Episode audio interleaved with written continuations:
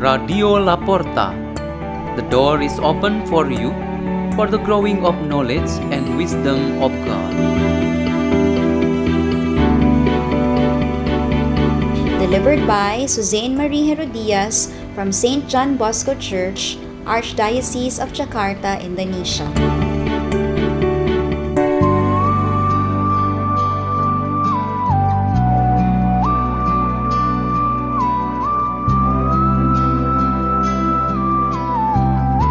Reading and meditation on the Word of God, Wednesday, the 26th week of Ordinary Times, September 28, 2022.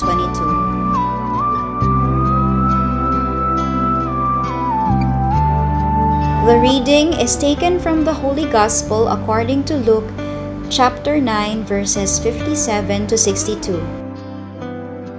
As Jesus and his disciples were proceeding on their journey, someone said to him, I will follow you wherever you go. Jesus answered him, Foxes have dens and birds of the sky have nests, but the Son of Man has nowhere to rest his head. And to another he said, Follow me. But he replied, Lord, let me go first and bury my father. But he answered him, Let the dead bury their dead. But you go and proclaim the kingdom of God. And another said, I will follow you, Lord. But first, let me say farewell to my family at home. Jesus answered him, No one who sets a hand to the plow and looks to what was left behind is fit for the kingdom of God. The Gospel of the Lord.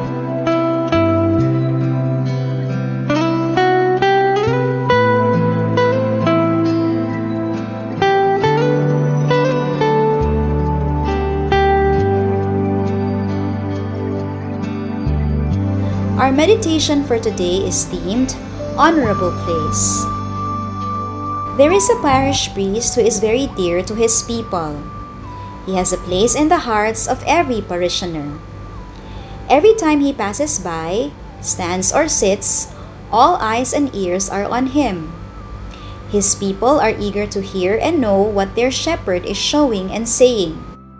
This priest really becomes the center of attention of all parishioners the place where the pastor is, automatically considered a special and honorable place. One time, the pastor visited a village where there were two basic communities. All the people gathered and prepared themselves to welcome the pastor. The seating position has been prepared neatly and nicely. The chair for the pastor was in the middle, and in front of it was a small table with beautiful decorations. When the pastor arrived, several young people greeted him and asked a few questions. Then, the pastor answered enthusiastically. The conversation became exciting. Then everyone there immediately understood that the seats and tables that had been prepared had to be moved to the place where the pastor was talking and interacting with the young people. The place of honor was now in the pastor himself. In this month of September, we have more opportunities to study the scriptures and we experience the person of Jesus Christ himself more deeply. Today, we come to know the Lord Jesus Christ again, who teaches us about a place of honor in his kingdom. The place of honor is reserved for people who are entitled and worthy to occupy it. Who are the people who deserve and prepare to occupy the place of honor? When you are invited guest by someone, you are invited to sit in a special place. For example, right next to the inviting host. This is how God prepares the proper place with Him in the kingdom of heaven for those He chooses. To be in Him and with Him is a place of honor. There are many criteria for being able to fulfill the full eligibility and right to sit with the Lord Jesus. One of the important conditions is what Jesus points out today. He calls those who willingly and freely want to follow Him so that they may not limit themselves under any conditions. In order to find a place with and in Him, one simply has to make up one's whole and sincere heart. The advice of the prophet Job on this would be in this way Even though we are offered a place of honor in the Lord, we must still obey His will and not follow our own.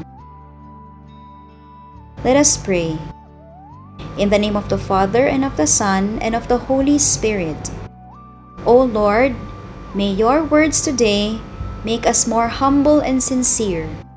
Hail Mary, full of grace, the Lord is with you. Blessed are you among women, and blessed is the fruit of thy womb, Jesus. Holy Mary, Mother of God, pray for us sinners, now and at the hour of our death. Amen. In the name of the Father, and of the Son, and of the Holy Spirit. Amen. Radio La Porta. The door is open for you.